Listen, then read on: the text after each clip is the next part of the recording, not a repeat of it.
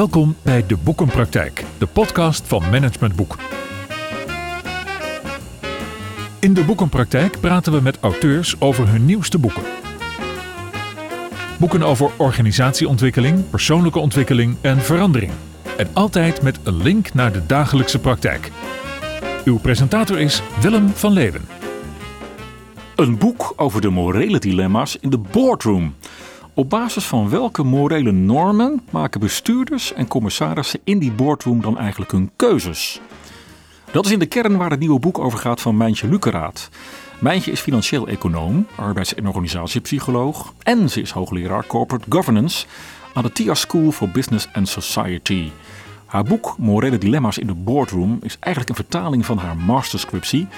Naar aanleiding van haar onderzoek over morele oordeelsvorming door commissarissen, waarmee ze in 2022 haar studie psychologie afronde. Vandaag is Mijntje mijn gast in deze 64ste aflevering alweer van de Boekenpraktijk. En met Mijntje spreek ik over hoe vindt die morele oordeelsvorming eigenlijk plaats in de boardroom? Zijn er regels? Zijn er criteria? Of is het allemaal nog wel veel te subjectief? En is er nog verschil tussen mannelijke of vrouwelijke bestuurders of commissarissen in het omgaan met deze morele dilemma's?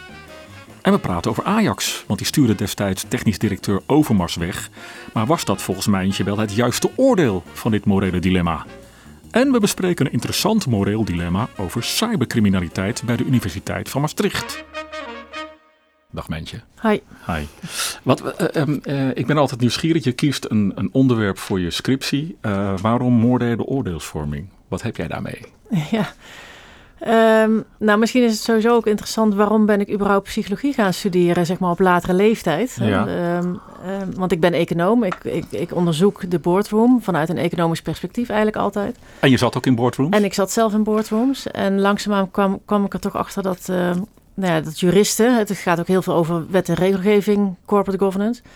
Um, en ik dacht, nou ja, de, vanuit economisch perspectief zou je willen kijken dat bedrijven beter door gaan presteren. Maar Mhm. uiteindelijk kwam ik erachter dat eigenlijk alles gaat om gedrag en cultuur. Ja. Dus je, ik zag dat om me heen gebeuren. Van hoe, hoe komt het toch dat mensen tot bepaalde besluitvorming komen? Um, En je zag natuurlijk in die boardrooms dat daar van alles gebeurt, behalve dat uh, zich men zich druk maakt over gedrag en psychologie, toch? Nou, zich er misschien wel druk om maakt. Um, maar dat dat toch wel heel erg ook uh, tot groepsdenken en tunnelvisie leidt. Dat mensen zich soms emotioneel gedragen als het gaat om ethische normen. Uh, terecht, hè? Dat, dat, dat voelt heel persoonlijk allemaal. En dat daar eigenlijk heel weinig aandacht voor is om dat wel of niet te verbeteren. Ja. Dus dat was de reden dat ik überhaupt psychologie ben gaan studeren. Om daar een wat stevigere basis in te krijgen. En toen ik dus aanbeland was in de masterscriptie... Toen dacht ik, ja, wat zijn nou eigenlijk besluitvorming waar dat nog het meest tot uitdrukking komt? Dan is dat niet, uh, gaan we daar of daarin investeren, maar dan gaat het inderdaad om die morele. En als jij nu, zeg maar, eh, weer die boardroom terug in zou stappen, is dat nog iets wat je wil of niet? Ja, ja, ik zit nog steeds Oh, je in, zit nog uh, steeds ja, in. Precies, Waar ja. ben je nu? Uh, nou, ik zit bijvoorbeeld nog bij, bij NRC, de krant, uh, Oh. bij het Erasmus MC, hè, Ja. het UMC. Ik ben voorzitter bij Pels Rijken. Ja. Wat zou jij nu anders doen met deze studie achter je naam? Nou, ik, ik denk dat ik sowieso wel een commissaris ben, altijd al geweest. En daar komt mijn interesse ook vandaan. Die toch wel vragen stelt van ja, waarom doen we dit zo? En, Mhm. en wat, waarom vind jij dit zo belangrijk? En ook wel alert te zijn op dat mensen die het hardste roepen... niet per se altijd gelijk krijgen. Hè? Dus dat, er, dat je ook echt aandacht hebt hoe die processen lopen. En, En, hoe en neem even mee in zo'n boardroom, Ja. want we komen daar niet zoveel. Hoe, wordt dat ervaren als zo'n jonge vrouw als jij daar gaat roepen? Waarom doen we dat eigenlijk zo? Ja. ja. dat schat ik zo in. Ik ga niet aan leeftijden vragen. Ehm, nee, ik, ik, ehm, kijk, ik denk ten eerste dat ik al wel uitgenodigd ben in boardrooms daarom. Hè, dat ze al wel weten dat dat een beetje aan mijn profiel eh, plakt. Ja. Eh, en ten tweede dat het ook juist ook wel een beetje de status quo doorbreekt. Mhm. Dus dat mensen het ook wel leuk vinden om op een andere manier naar iets te kijken dan ze altijd hebben gedaan. Oké, dus het schudt de boel een beetje op. Het schudt de boel een beetje op. En ook wel boards waar ik weg ben. Hè, dus ehm, waar ik dan tien jaar bijvoorbeeld in heb gezeten, hoor ik nu nog wel eens achteraf. Dat, ik, dat ze dan tegen elkaar zeggen, wat zou Mijntje hiervan hebben gevonden? Ah, en dat is natuurlijk Mijntje is een geweldig, begrip geworden. Nou, dat is gewoon een geweldig compliment. Omdat je Maar dat dus- zegt natuurlijk ook iets over toch wel een beetje de cultuur in zo'n boardroom. Is een beetje oude saai boel dus nog steeds, of nee, niet? niet? want dat is dus heel erg aan het veranderen. En, Hmm. en dat doe ik niet alleen, dat, dat doet iedereen. Dus Um, ik, ik heb bijvoorbeeld zelf ook een hekel aan de term Old Boys Network. Ik gebruik zelf altijd old school of new school. Want ik denk dat old boys bijvoorbeeld heel snel, Mhm. hè, als je wat ouder bent en een man, dan ben je per definitie gedisqualificeerd. Terwijl ik denk dat er ook heel veel new school oudere mannen zijn. Heel goed. Eh, en dus dat die cultuur echt wel aan het veranderen is. Jij bent zelf ook bekend van eh, wat we dan noemen de Dutch Female Board Index. Hè? Die heb je een Ja. aantal jaren gepubliceerd. Dat gaat er toch ook juist over om meer dat old boys network te doorbreken en meer frisse vrouwen in de boardroom te krijgen, of niet? Ja, dat gaat inderdaad heel erg om, eh, om het omarmen van diversiteit, van verschillende perspectieven. En dat is inderdaad waar we het net over hadden. Hè? Dus wat ik ook doe vanuit mijn perspectief. Ja. Maar dat het gewoon belangrijk is om meerdere perspectieven op tafel te krijgen. Want als je die perspectieven niet op tafel krijgt, dan ben je dus geneigd inderdaad naar groepsdenken en tunnelvisie. Ja, en dat is, ja, ik hoor je dan toch een beetje zeggen, vooral als mensen dan roepen, wat zou Mijntje van gevonden hebben, dat er dus kennelijk nog steeds wel een overheersende groepsthink en tunnelvisie aanwezig is in veel boardrooms. Dat is toch wel de Nee, stelling. dat, dat is een te snelle conclusie. Want ik denk dat, Oh. dat hè, wat zou Mijntje ervan gevonden hebben, dat dat met name zich richtte op mijn persoonlijke voorkeuren. Bijvoorbeeld om het met elkaar te hebben over lange termijn waardecreatie. En anderen hebben, doen dat op andere gebieden. Hm. Dus dit is niet zo dat ik de enige was die op dat moment eh, een vreemde opinie gaf, zeg maar. Dat is Hm. te veel eer. Oké. Stelling 1. Even een paar stellingen tussendoor. Raden van commissarissen en bestuurders, oftewel boardrooms, zijn voor veel mensen een black box waar transparantie ontbreekt met betrekking tot besluit, besluitvorming. Ja. Ja. Komt dat?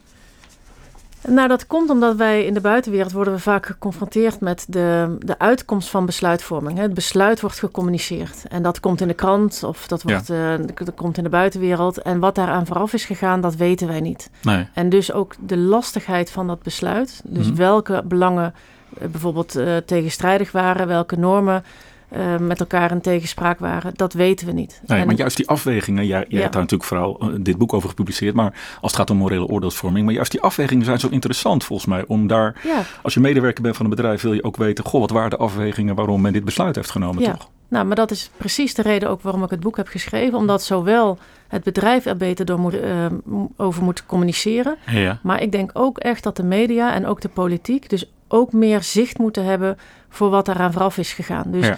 er wordt te makkelijk gezegd waar was het morele kompas, op welke planeet leven deze mensen. Alsof het een eendimensionaal probleem is. Er Hm. is maar één morele norm die overschreden is bijvoorbeeld. Of er is maar één belang wat te dienen was. Nee, er zijn meerdere belangen, ehm, meerdere morele normen. En als we dat ten eerste dus beter zouden communiceren, maar ook de media en de politiek er meer voor open zouden staan om die afwegingen ook te horen en ernaar te luisteren, dan zouden we het met z'n allen denk ik een stukje beter uh, Maar het begint volgens mij wel gewoon, het initiatief ligt denk ik wel in de boardroom zelf. Om gewoon eens wat transparanter te zijn ten aanzien van hoe besluitvorming Ja. tot stand komt. Daar ben ik het mee eens. En aan de andere kant weten we ook wel hoezeer de wereld gepolariseerd is en hoe makkelijk dingen worden weggezet. En uh, hoor ik ook wel om me heen dat bestuurders het steeds moeilijker vinden, bijvoorbeeld om in een praatprogramma te vertellen waarom ze iets gedaan hebben. Omdat Want? Ze, nou, omdat ze gewoon weten dat ze het, dat ze het, dat ze het niet uh, kunnen vertellen. Zijn mondig genoeg, deze mensen? Ja, maar dat er als er totaal geen begrip voor is, als alles eendimensionaal wordt weggezet, dat alles fout uh, of goed is, dat alles zwart of wit is, dan... Ik het een beetje kriebelen als de media daar de schuld van krijgt, denk ik. Nee, ja, dit zijn zeker niet de schuld. Nee, maar ik, ik ben het met je eens. Hè. Dus ik vind ook dat ze die verantwoordelijkheid moeten nemen. En ik denk ook dat het heel veel goed zal doen. Dat ze dus heel veel meer begrip zullen ont Ja. ontdekken voor hun besluitvorming dan dat ze nu krijgen. En die wereld blijft toch wel gepolariseerd. Dus uh, je krijgt er toch niet alle zieltjes mee gewonnen. Ja. Uh, maar je krijgt uh, inderdaad, ik ben het helemaal met je eens dat je ook een stukje die verantwoordelijkheid moet nemen om uit te leggen waarom je wat gedaan hebt. Ja. Um, heb je eens wat voorbeelden van morele dilemma's waar deze boardrooms vooral zowel voor staan? En natuurlijk, je hebt heel veel casussen opgenomen in het boek, maar voor mensen die het boek niet gelezen hebben, waar moeten we aan denken? Um, nou, het gaat dus niet om juridisch, wat juridisch wel of niet mag, want dat is duidelijk, dat schrijft de wet voor. Mhm. Maar inderdaad, een morele norm die conflicterend is, kan bijvoorbeeld zijn dat je aan de ene kant loyaal wil zijn naar je bestuurder. Loyaliteit ja. is een morele norm. En aan de andere kant wil je open zijn naar de buitenwereld. Hè? Ja. Dus dat je transparant wil zijn, ook een morele norm. Ja. Nou, wanneer kies je nou voor het een of wanneer voor het ander? Of, um, en die buitenwereld is dan de stakeholder of ook gewoon het publiek? Ja, maar de, het publiek is ook wel een stakeholder. Maar inderdaad, met name, het, zeker als het bij beursgenoteerde onderneming gaat, heb je eigenlijk ook wel sowieso een juridische plicht om open Mhm. mm -hmm. te zijn naar je aandeelhouders. Um, maar ja, gewoon openheid over de besluiten die je hebt genomen. Ja. Ja. En wat is bijvoorbeeld op dit moment een moreel dilemma binnen NRC? ja, uh, Laten we maar gelijk transparant zijn dan. Ja, nou dat vind ik altijd een beetje lastig om, Oh. over eigen uh, bedrijven. Um, maar ja, iedereen weet dat er bijvoorbeeld een uh, de bezorgproblematiek. Ja. Hè? Dus hoe krijgen we die, die krant op tijd bij iedereen in de bus? En moet dat allemaal nog wel op papier? Ja. Uh, zou je niet veel meer mensen moeten dwingen om het digitaal te lezen? Maar ja, we weten ook allemaal wel weer hoe fijn het is om die papieren krant te hebben. Dus, maar wat is daar moreel aan, aan zo'n dilemma? Nou, het is een dilemma. Kijk, moreel, er zijn verschillende variaties. Hè? Dus in mijn boek beschrijf ik bijvoorbeeld ook de casus Auping, ja. die de NOW's Ja, maar waar nog even bij het NRC? Ja, precies. Nou, omdat je, je hebt een verantwoordelijkheid richting je stakeholders. Um, dus zowel de mensen die de krant bezorgen als je krantenlezer. Um, daar zit natuurlijk ook een financiële consequentie aan. Er zit een, misschien een morele verantwoordelijkheid aan dat je ook het, het gebruik van papier wil verminderen in de wereld. Mm -hmm. uh, maar het gaat in eerste instantie denk ik over betrouwbaarheid. Je wordt abonnee, je tekent eigenlijk alsof je betaalt voor een krant elke dag op de bus, in de bus, op de mat om acht uur s ochtends uit, geloof ik is het. En dan krijg je hem, ik weet er zelf alles van, krijg je hem later of je krijgt hem in het weekend gewoon vaak niet. En dan dien je een klacht in en dan wordt er gezegd, ja, we hebben te weinig bezorgers. En uh, ja, misschien moet u ook eens overstappen op een, uh, op een iPad. Dan denk ik, ja, maar dat is helemaal niet waar ik om heb gevraagd, toch? Dat is niet... Nee, ja, ik vind dit toch minder. En, ik, en sowieso vind ik het niet zo heel prettig om daar nu zo helemaal uitgebreid over te praten. Ik vind dit ook minder een moreel dilemma. Oh. Want dit is eigenlijk ook een zakelijk dilemma. Dus het, ja. je, je zitten meerdere aspecten aan. En je kan inderdaad echt wel bedenken waarom er ook een morele kanten aan dit vraagstuk zitten. Ja. Maar ik denk dat elke. Ik ben ook geïrriteerd als mijn krant te laat komt. Hè? Dus Mhm. laat dat uh, voorop staan. Ja. En ik begrijp ook wel hoe lastig het is om te zorgen dat er voldoende bezorgers zijn. Ja, ik probeer gewoon even scherp te krijgen wat nu een Ja. moreel dilemma is. Maar we komen er wel op een aantal casussen, denk ik. En dan gaat het vooral over het proces van morele oordeelsvorming. Hè? Dat heeft van jouw Precies, ja. focus. Ja. Even toch, daarin onderscheid je, en dat vind ik een moeilijke woord. Daarin onderscheid je de zogenaamde utilitaristische overwegingen en de zogenaamde deontologische. Spreek ik het goed uit? Ja, heel overwegingen. goed.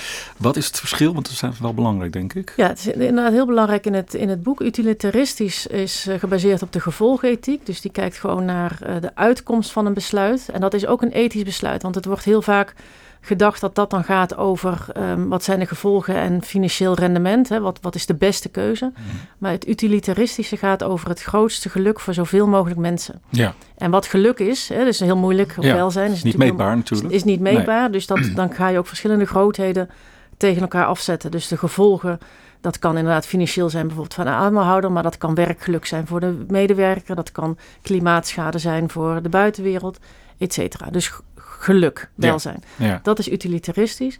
Eh, deontologisch is gebaseerd op de beginselethiek en is veel dogmatischer. Dus gaat er veel meer van uit, iets mag wel of iets mag niet. Hm. En ongeacht de gevolgen. Ja. En eh, dat zijn inderdaad mensen die er vaak intuïtiever keuzes maken. Iets voelt goed of iets voelt niet goed. Iets is goed of iets is fout. Iets is zwart. Het gaat over rechtvaardigheid, bijvoorbeeld. Nee, maar rechtvaardigheid zit juist ook heel erg in Oh. dat utilitaristische. Want je wil juist een rechtvaardige samenleving. Hè, dat Ja, misschien moeten we dan even een voorbeeld pakken om het te verduidelijken. Je hebt het, eh, een van de voorbeelden in het boek is het trolley-dilemma. Ja, ja. Wel een grappig voorbeeld. ja, toch? ja, Misschien is het wel handig om daar even die twee overwegingen mee te ja, kenschetsen. precies. Ja, het trolley-dilemma is ook het meest bekende dilemma wat op dit soort gebieden wordt onderzocht. En gaat er inderdaad over dat er een treintje op een spoorrails rijdt. En als die rechtdoor rijdt, gaat die, eh, zal die vijf spoorwegmedewerkers eh, eh, overrijden en die zullen overlijden. Ja. En jij hebt de mogelijkheid om een hendel aan de rand van het spoor over te halen en de keuze te maken om dat treintje op een ander spoor te zetten. En daar staat eh, nog maar één spoorwegmedewerker te werken. En dan zal die dus één spoorwegmedewerker overrijden en die Ja. zal overlijden Ja. in plaats van vijf. Ja, De dan denk je in eerste instantie, nou dat is makkelijk, want één is minder, eh, één Ja. overlijdensgeval is beter dan vijf, dus Precies. we kiezen voor één, toch? Nee, maar dat nou dus niet. Want dat, Oh. is, dat is inderdaad de utilitarist maakt die afweging. Het is een rationele afweging. Ja. is gewoon vijf ehm, is, is erger dan, eh, Dan één één. dood. Eh, de deontoloog die zegt, en, en daar kan je de, verschillend over denken, die zegt: Ik mag niet zelf het initiatief nemen om te kiezen wie er wel of niet doodgaat. Dat treintje rijdt daar nou eenmaal, et cetera. Maar dit is misschien nog wel een best wel een simpel dilemma, omdat Mhm. de meeste mensen hier toch zeggen: haal die hendel maar over, hoe erg ik het ook vind. Ja, Maar dan ga je variëren in dat dilemma. Ja. Hè, dus bijvoorbeeld het, precies hetzelfde dilemma, maar dan duw je iemand van een brug af. Dan neem je dus zelf echt de handeling oh om ja. iemand een duw te geven van de brug af die voor dat Dan treintje ben je meer dader natuurlijk. Dan word je echt al dader. Ja, Maar bijvoorbeeld ehm, het verschil wordt ehm 2-3, 3-5. Mhm. Of die ene die op het spoor staat is een bekende van je. Mhm. Dus zit, als je gaat variëren in dat dilemma, en dat Mhm. doet dus ook heel veel onderzoek, ehm, dan ga je dus zien dat mensen hun oordeel laten afhangen ook van de context. Ja, ja, ja. Nou, laten we dan toch even die Ajax-casus nemen. Je Ja. vroeg aan mij om hem vooral niet te behandelen, omdat hij al veel in de media is geweest. Maar ja, ik ben ook betrokken bij het NRC en ook betrokken bij Ajax. Ja, dus eh, prima. toch maar even. dan kunnen we, kan- je, eh, het gaat natuurlijk over Overmars, hè, die, eh, die als technisch directeur uiteindelijk toch ontslagen is. Wanneer was het? Vorig jaar volgens mij, 2022 alweer. Ja, februari 2022. 21. Ehm, 21, Ja. oh, het gaat hard. En ehm, omdat hij natuurlijk eh, grensoverschrijdend gedrag zou hebben eh, vertoond, zeg Ja. maar. Met eh, de dikpik als Ja. bekend voorbeeld in de media. Wat is daar... Wat, wat kun je daar een ut- utilitaristische overweging en een deontologische overweging aan koppelen? Aan die casus? Nou, dat is misschien ook wel een hele duidelijke casus.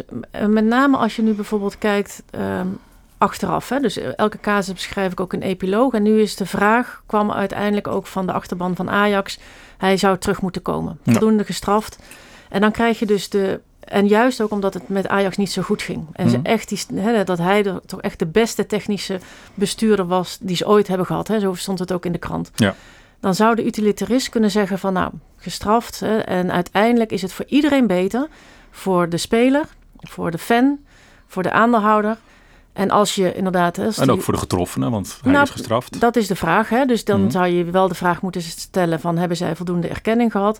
Dan zou de utilitarist kunnen zeggen... in de afwegingen van het grootste geluk voor iedereen... Hè, de, de, met name de schade is voor de getroffen vrouwen. Maar die, stel dat zij zouden zeggen... wij stappen hier overheen, voldoende erkenning gehad voor wat hij heeft gedaan... dan zou die terug mogen komen. Dat Ja. is echt een utilitaristische afwegingen maken van de verschillende belangen. De deontoloog zal zeggen wat hij heeft gedaan kan echt niet... en hij kan nooit meer terugkomen.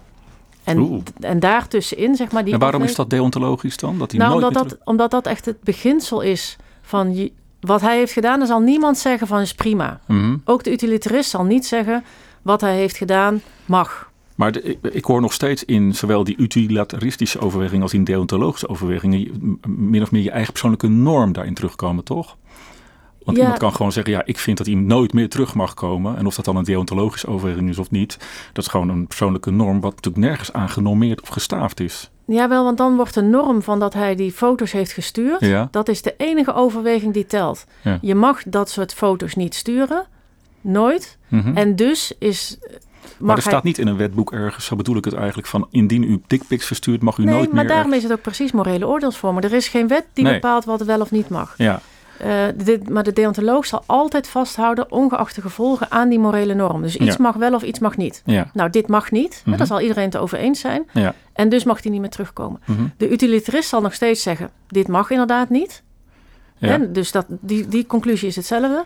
Alleen dan gaan ze vervolgens kijken naar de gevolgen. Hm. Wordt iedereen hier beter van als hij niet terug mag komen? Nee. Dus laten we al die, als we dat allemaal tegen elkaar wegzetten, dan mag hij eigenlijk best wel terugkomen. ja. Het is nog steeds, daarmee is niet goed gepraat wat hij gedaan heeft. Nee, nee. Maar wordt er gewoon naar de gevolgen gekeken. Oké.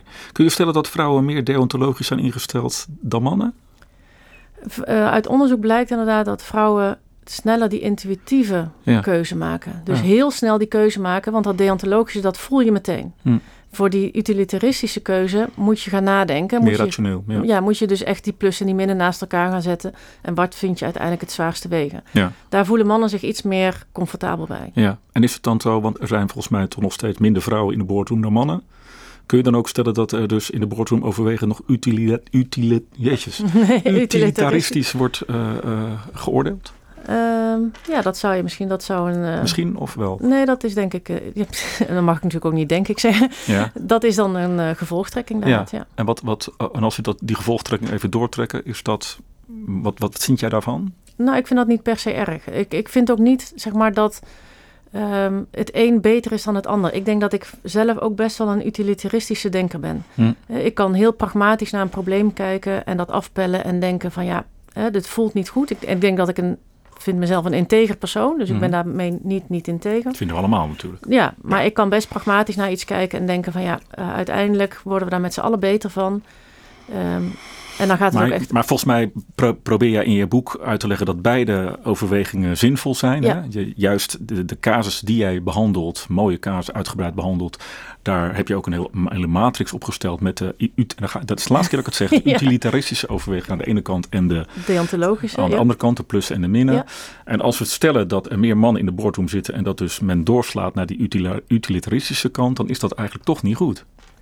Nee, het, het moet, het- ook hier eh, bij is diversiteit ongelooflijk belangrijk. Dus ik, ik denk dat ook mensen soms dat gevoel moeten laten spreken en moeten kunnen zeggen: dit kan echt niet, dit Nee. is echt fout. Ja. En dat dat inderdaad te weinig gebeurt, daar ben ik het helemaal mee eens. Ja. Dus dat we ook die beide perspectieven eh, in de boardroom moeten omarmen. Het, en ik denk dat het ook het onderzoek toont aan dat vrouwen iets meer deontologisch zijn, dus iets meer sneller die intuïtieve besluitvorming nemen. Maar het, het is te kort door de bocht om, om te zeggen vrouwen zijn deontologisch en mannen zijn Nee, utilitaristisch. oké, maar we gaan ook niet meer over Old Boys Network Nee, praten natuurlijk. nee. Maar is het wel zo dat als als vrouw ben je in de minderheid in zo'n boardroom, mannen, het zijn vaak ook wel extraverte mannen, het zijn misschien ook wel een beetje Ja. narcistische mannen, dat weet ik niet. Maar in ieder geval leiders, laat ik het positief stellen. Word je als vrouw dan ook een beetje mannelijk? Nou, dat is wel een hele andere. Nou ja, dan word je dus misschien ook Ehm, meer utilitaristisch. Ja, nou, misschien Ik zou wel. bijna zeggen ik- militaristisch, maar dat is natuurlijk niet zo. Nee, Nee. misschien wel. En ehm, ik denk dat het op zich goed is om zo'n... En daarom is het ook die morele oordeelsvorming... en die overwegingenmatrix die ik introduceer in het boek. Je moet niet alleen maar uit die onderbuik een moreel dilemma eh, gaan roepen... iets kan wel of iets kan niet. Hm. En dat gebeurt denk ik nog te vaak. Omdat Ja. het juist mensen het ook heel als, als heel erg emotioneel of persoonlijk opvatten. Ja, En dan zou je ook niet willen dat degene die het hardste roept... iets mag niet gelijk krijgt. Ja. Dus er mag wel iets meer dat utilitaristische, die afwegingen erin. precies. Nou, dat is mooi. Een bruggetje naar stelling 2. Stelling 2. Morele besluiten worden te vaak toch beïnvloed door persoonlijkheidskenmerken en zogenaamde bias, ba- biases die daaruit voortvloeien. Ja. Ja? Ja, precies. jij, Nou, jij wijdt een heel hoofdstuk aan die, aan die eh, biases, hè, die Ja. confirmation bias en al die Ja. andere type biases. Eh, Kahneman heeft er ook veel over geschreven. En dat is een enorme onbewuste invloed van mensen natuurlijk op, op keuzes. Dus Ja. ook op morele oordeelsvorming. Ja. Ehm, dat blijft dus een zeer subjectief proces, die besluitvorming eigenlijk. Het is heel subjectief, want Ja. niet alleen door die biases. Hè, en, en, en hoe meer je op elkaar lijkt, hoe Misschien meer... moeten we even uitleggen wat een bias Ja, is. een bias is een, eigenlijk dat is vooringenomenheid of een vooroordeel of een gevoel wat je hebt, ehm, een mening of een, of een idee. Ehm, en dat zit in ons onbewuste denkpatroon. Ja, en daardoor ehm, hanteren we hem heel vaak ook bewust. On- Ondanks het feit dat we onbewust zijn dat Ja. zo leidend is in ons onbewustzijn. Ja, ja. en het, het is een van de redenen dat ik psychologie ben gaan studeren, omdat ik denk dat onze biases het grootste gevaar in de, in de boardroom zijn. Ja. Dus inderdaad, groepsdenken en tunnelvisie is een bias. Eh, en als je allemaal eh, op elkaar lijkt, dan heb je waarschijnlijk ook allemaal diezelfde achtergrond en diezelfde bias. ja. Nou, Bij- bijvoorbeeld, je noemt er een misplaced loyalty. Ja, Eh, overmars, misschien weer even terughalen. Dat betekent, als ik het goed gelezen heb, dat als je een leider hebt waar je veel sympathie voor hebt, ook een beetje het hallo-effect, ja, dan zal je hem misschien wel onbewust een beetje verafgoden en kan hij eigenlijk geen kwaad meer doen. Ja. Toch? Ja. En dat speelt mee in je morele oordeelsvorming. Ja. ja, en zo heb je er nog een, een champions bias heet dat. Ehm, Mhm. Het lijkt er ook een heel klein beetje op. Hè? Dus de, dat, je, dat iemand zo succesvol is, dat je eigenlijk alles wat hij doet en dat, eh, ook denkt dat dat goed is. En eigenlijk Mhm. niet meer kritisch kijkt naar de dingen die hij voorstelt. Ja. Of, ehm, eh, dus, en, en dat gebeurt heel vaak in de boardroom. We kennen allemaal de, de leiders die allemaal voor op tijdschriften hebben gestaan van hè, de, de Mhm. beste CEO van het jaar. Ja. En ja, als die dan iets voorstelt, dan ben je toch minder snel geneigd om te denken van ja, hij had het al negen keer hiervoor goed. Ja. Zal de tiende keer toch ook wel goed zijn. Ja. Dus, maar los van die biases heb je inderdaad ook nog je morele identiteit. En dat is ook heel subjectief. Wat is dat? Nou, dat is dus, je sociale identiteiten zijn sowieso allerlei vormen van je persoonlijke ide- identiteiten die Mhm. voortkomen uit hoe je bent opgevoed, Ja. eh, waar je bent opgegroeid, waar je hebt gestudeerd, wie je vrienden zijn, hoe je sportclub is. En morele identiteit is daar, daar eentje van. En je kan je voorstellen dat opvoeding daar een grote rol bij speelt. Ja. Toch is het een beetje zorgelijk, hè, als ik het even samenvat. Want uh, we kwamen tot de conclusie dat in de boardroom voornamelijk toch nog meer mannen zitten dan vrouwen. Die misschien een hogere of grotere utilitaristische neiging hebben. Ik denk dat ik dit een keer eruit moet knippen, dat woord, maar goed. Ehm, dan hebben we het ook nog over het feit dat je een aantal uh, biases hebt. Dus je hebt gewoon een aantal persoonlijkheidskenmerken die onbewust meespelen in de oordeelsvorming. Ja, eigenlijk. En er is ook, jij schrijft ook iets over de, de geschiedenis van, de, van een, het opstellen van een code. Ja. Uh, dat ook niet helemaal gelukt, zeg maar. Toch? Mag ik wel concluderen? Ja, nou, daar zit inderdaad dit soort onderwerpen als, als integriteit, wat mij betreft, te weinig in ja, verwerkt. Het gaat te weinig over gedrag, ja. schrijf jij ook. Um, dan is het toch wel zorgelijk, die morele oordeelsvorming nog in de boardroom. Ondanks dat je mooie overwegingen kan maken, is het eigenlijk nog steeds verdomd en misschien wel te subjectief. Het is heel subjectief, maar dat is denk ik ook alleen maar goed. Het zou heel gek zijn als je alles in een spreadsheet zou kunnen zetten. En dat kan heel vaak bij financiële besluitvorming. Dus, en daar voelen mensen zich heel erg thuis bij, hè? ook in de mm boardroom. Mhm. Maar bij alles wat subjectief wordt, wat vinden we oké en wat niet? Mhm. En hoe gaan we met elkaar daarover in gesprek? Dat is inderdaad. En ik denk dat dat goed is. Mhm. Want je zou niet willen dat dat in een spreadsheet staat. En dat je dit en dit bij elkaar optelt en dat en dat bij elkaar aftrekt. Dus ja. Maar dan nog even stelling 3. Stelling 3. Ondanks mooie woorden overheerst in de meeste boardrooms het belang van de aandeelhouder in plaats van dat van alle stakeholders. Um, dat is volgens mij niet een stelling van mij. Nee, een stelling van mij. ja, precies. ja. Nee, als jij mijn teksten twee... gaat maken, dan moet ik jouw tekst gaan maken. Nee, precies. Maar die andere twee, die kon ik me nog voorstellen dat mhm. dat rechtstreeks uit het boek kwam. Um, maar eens? Nee, daar ben ik niet, zeker niet mee eens. Nee, banken ik denk, bijvoorbeeld? Nee, echt niet. Ik denk echt dat er um, heel veel aandacht is voor de, voor de grote groep stakeholders. Mm -hmm. uh, tot en met toekomstige stakeholders aan toe. Ja. Ik ben het wel eens dat ik vind dat um, zeg maar hoe je meet dat je dat goed doet, mhm. dat dat nog onderbelicht is. Dus dat er heel veel mooie woorden zijn en ook goede bedoelingen en ideeën van hoe gaan wij deze wereld beter maken. Ja. Maar als puntje bij paaltje komt, kunnen ze het moeilijk meten. Ja, dus die spreadsheet, we moeten niet naar spreadsheet management toe, nee. maar we moeten wel een beetje de kant op schuiven dat we het nog iets feitelijker gaan doen. Is dat feitelijker, ja. Het moet meetbaar worden, het moet controleerbaar worden, het moet vergelijkbaar worden. Dus bedrijven kunnen niet meer wegkomen met zeggen van onze medewerkers zijn zo gelukkig, punt. Hm. Ja. laat dan maar zien hoe je dat meet. En ten tweede, of je dan ook nog zou kunnen zeggen dat ze bij de ene gelukkiger zijn dan bij de andere. En nou is geluk een groot begrip, hè? dus maar even te, als voorbeeld. Ja, oké. Okay. Uh, we gaan even een knip maken, want we gaan uh, de boekentip doen. De boekentip. En de boekentip wordt dit keer verzorgd door een van onze recensenten, Henk-Jan Kamsteeg.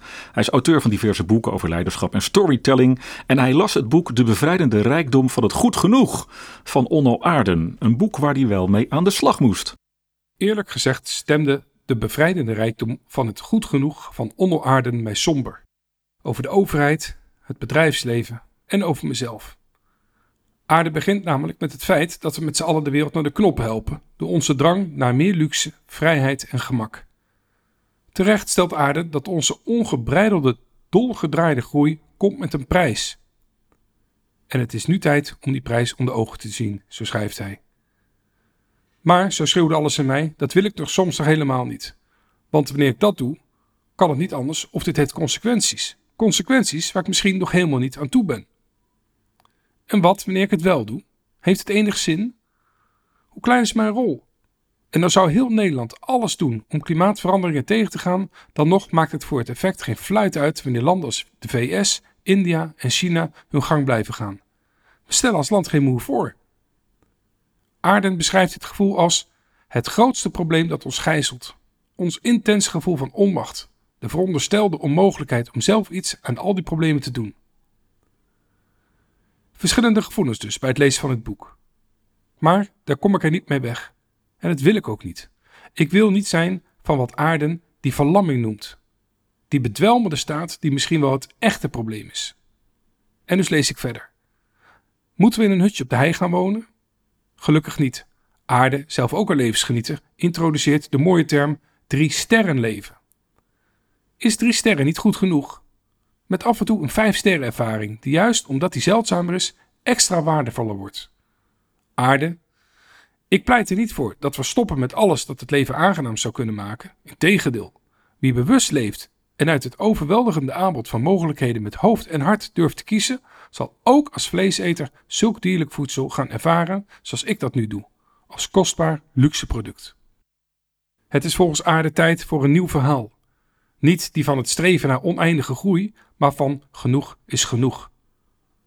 Aarde, matiging en het verantwoordelijk omgaan met wat er is, zonder al maar meer te willen, in mijn optiek een fundamentele levenshouding, is iets wat iedereen kan nastreven.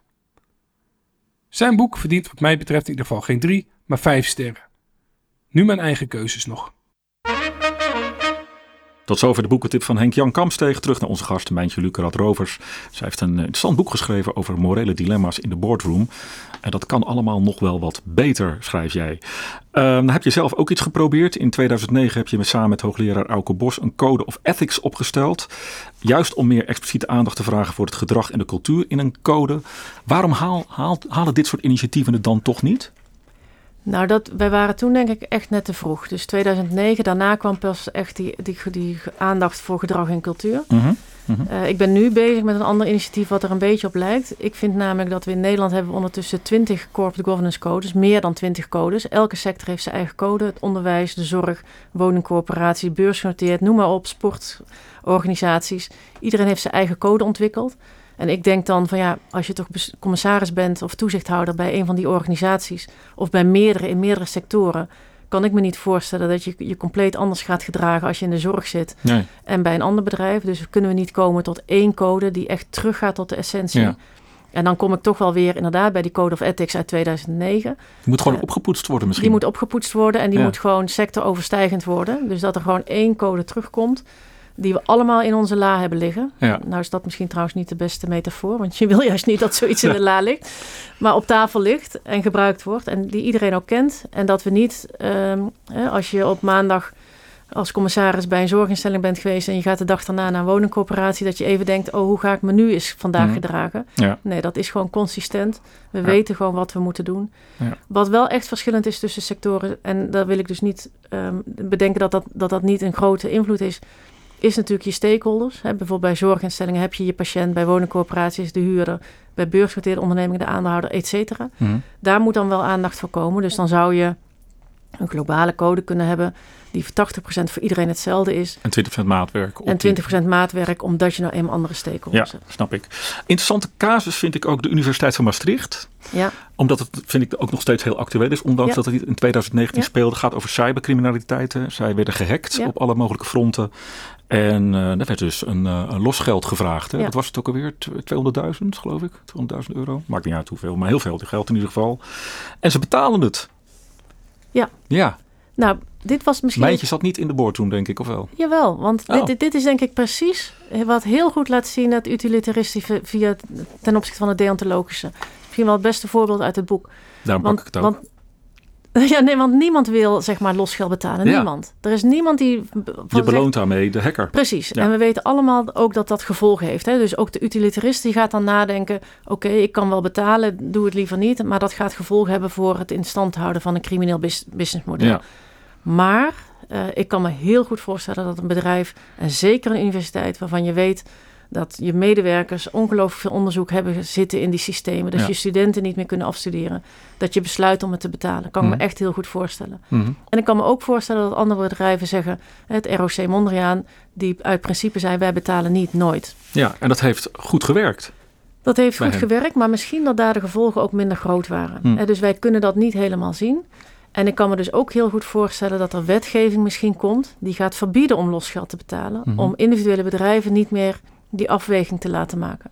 Maar even, als je een bedrijf bent, of in dit geval een universiteit of een opleidingsinstituut, die eh, gehackt wordt, dan, dan heeft dat enorme gevolgen natuurlijk voor je dienstverlening. Ja. Alles ligt op zijn gat, om het even plat Ja. te zeggen. Maar dat geldt ook voor een bedrijf. Ja. Dus als dat het argument is, kunnen we zeggen, ja, zet de deur maar open voor de hackers. Want dan beloon je eigenlijk de, de cybercriminaliteit. Dus moeten we gewoon niet doen. Moet daar niet gewoon een, een landelijke code voor komen? Of, of Nee, daar komt dus wetgeving. Ik denk dat Ja. er dus wetgeving Ja. komt. Dat moeten we gewoon niet doen. Dat moeten we gewoon niet willen. En ik denk ook dat heel veel Zijn overheid... Grappenhuis destijds ook. hè? Ja, ja. en zeker ook nog als je het hebt over publieke instellingen, die ook nog eens met publiek geld gefinancierd worden. Mhm. Dus dat, eh, en, en je weet gewoon dat je de volgende keer is iemand anders aan de beurt. Dus, maar ik, ik begrijp heel goed dat ze hier betaald hebben. Ja, ik begrijp het ook wel, maar ja, tuurlijk. Ja. Ehm, Nou, dit, maar dit is dus echt een moreel dilemma. Ja, ja. Ja. Maar ja, als we het begrip erop gaan loslaten, ja, en ik moet weer even denken aan Overmars, er is geen enkele, hoe zeg je dat, formele aanklacht tegen hem ingediend. Dus dan denk ik, ja, uh, had hij ook gewoon weer uh, kunnen blijven zitten of terug kunnen komen. Dus ja, dat, dat wordt allemaal zo. Nee, maar het is dus ook niet formeel. Dat is dus het hele punt. Ja. Er is, uh, kijk, als het formeel zou zijn, als je gewoon ja of nee zou hebben, dan hoef je er niet eens over na te denken. Daar, ja. gaat, daar gaat dit boek, het gaat allemaal om, om een grijs gebied. Ja, en jij legt daar wel, denk ik, goed in bloot dat daar nog wel iets in moet gebeuren om het niet te grijs te houden misschien. Ja. ja. Want zou jij willen dat die terugkwam dan? Zeker. ja. Het is een beursgenoteerd bedrijf. Wat gewoon bijna naar de kloot is, zeg maar, door het feit. Even plat gezegd, nee. maar ik bedoel, de, de sportieve prestaties ja. zijn natuurlijk ondermaats. En ik, ja, wat ik interessant vind is dat je iemand moet straffen, maar hoe lang moet je iemand ja, straffen? Ja, maar daar ben ik ook. Ik, ik vind dat ook echt een hele interessante vraag. En ja. ik vind dat ook. Ik vind ook niet dat iemand die één keer een fout is begaan voor de rest van zijn leven het niet meer iets zou mogen doen. Dus daar kan ik me ook heel goed in vinden. Ja, ja, ja. En misschien wat, wat actueler, hè, dat morele dilemma bij de Spaanse voetbalbond. Hè, die Louis Rubiales, die, die man die ook grensoverschrijdend gedrag vertoond heeft. Ja. Hij is inmiddels weg. Um, zou dat ook jouw advies zijn geweest als je commissaris van de Spaanse voetbalbond was geweest? Nou, wat ik hier ook wel heel interessant aan vind aan deze kaas, en hij lijkt een beetje op um, Yahoo, die ook in het boek staat met de, met de CEO die logo over zijn cv. Ja. Um, op het moment dat iets naar buiten komt dat iets niet goed is gegaan, dan denk ik dat de reactie daarop. Ja. Precies. Ja. Ik denk als hij had gezegd: Ik heb iets stoms gedaan, ik heb dat echt in de emotie gedaan. Ik had dit nooit moeten doen. Het zal nooit meer gebeuren. Ja. En hè, dat, dat geldt bijvoorbeeld ook voor die liegende CEO bij Yahoo. Maar die ging, die ging zich ook ingraven. Die ging ook anderen de schuld geven. Die kwam met leugen op leugen. En dat speelt hier misschien in Spanje ook wel. Alhoewel wij, hè, we zien ook alles maar vanuit Mhm. de buitenwereld. Maar zeg je dan dat iemand dan nog wel kan aanblijven op het moment dat hij gewoon door het stof gaat? Ja, ik ben best. Ik, ik ben helemaal niet voor de, de cancel culture dat iemand die een fout heeft gemaakt per definitie weg moet. Ja, dan is de vraag, wat zou Mijntje ervan vinden? Bij deze beantwoord natuurlijk. Dit vindt Mijntje ervan. Ja, Ja. ja, Wat is de belangrijkste les uit jouw boek? dat het niet zwart-wit is. Mhm. En dat ik hoop dus dat zowel bestuurders, eh, die dat natuurlijk best wel weten, en commissarissen, eh, dat dat grijze gebied voor zichzelf beter in kaart brengen. Mhm.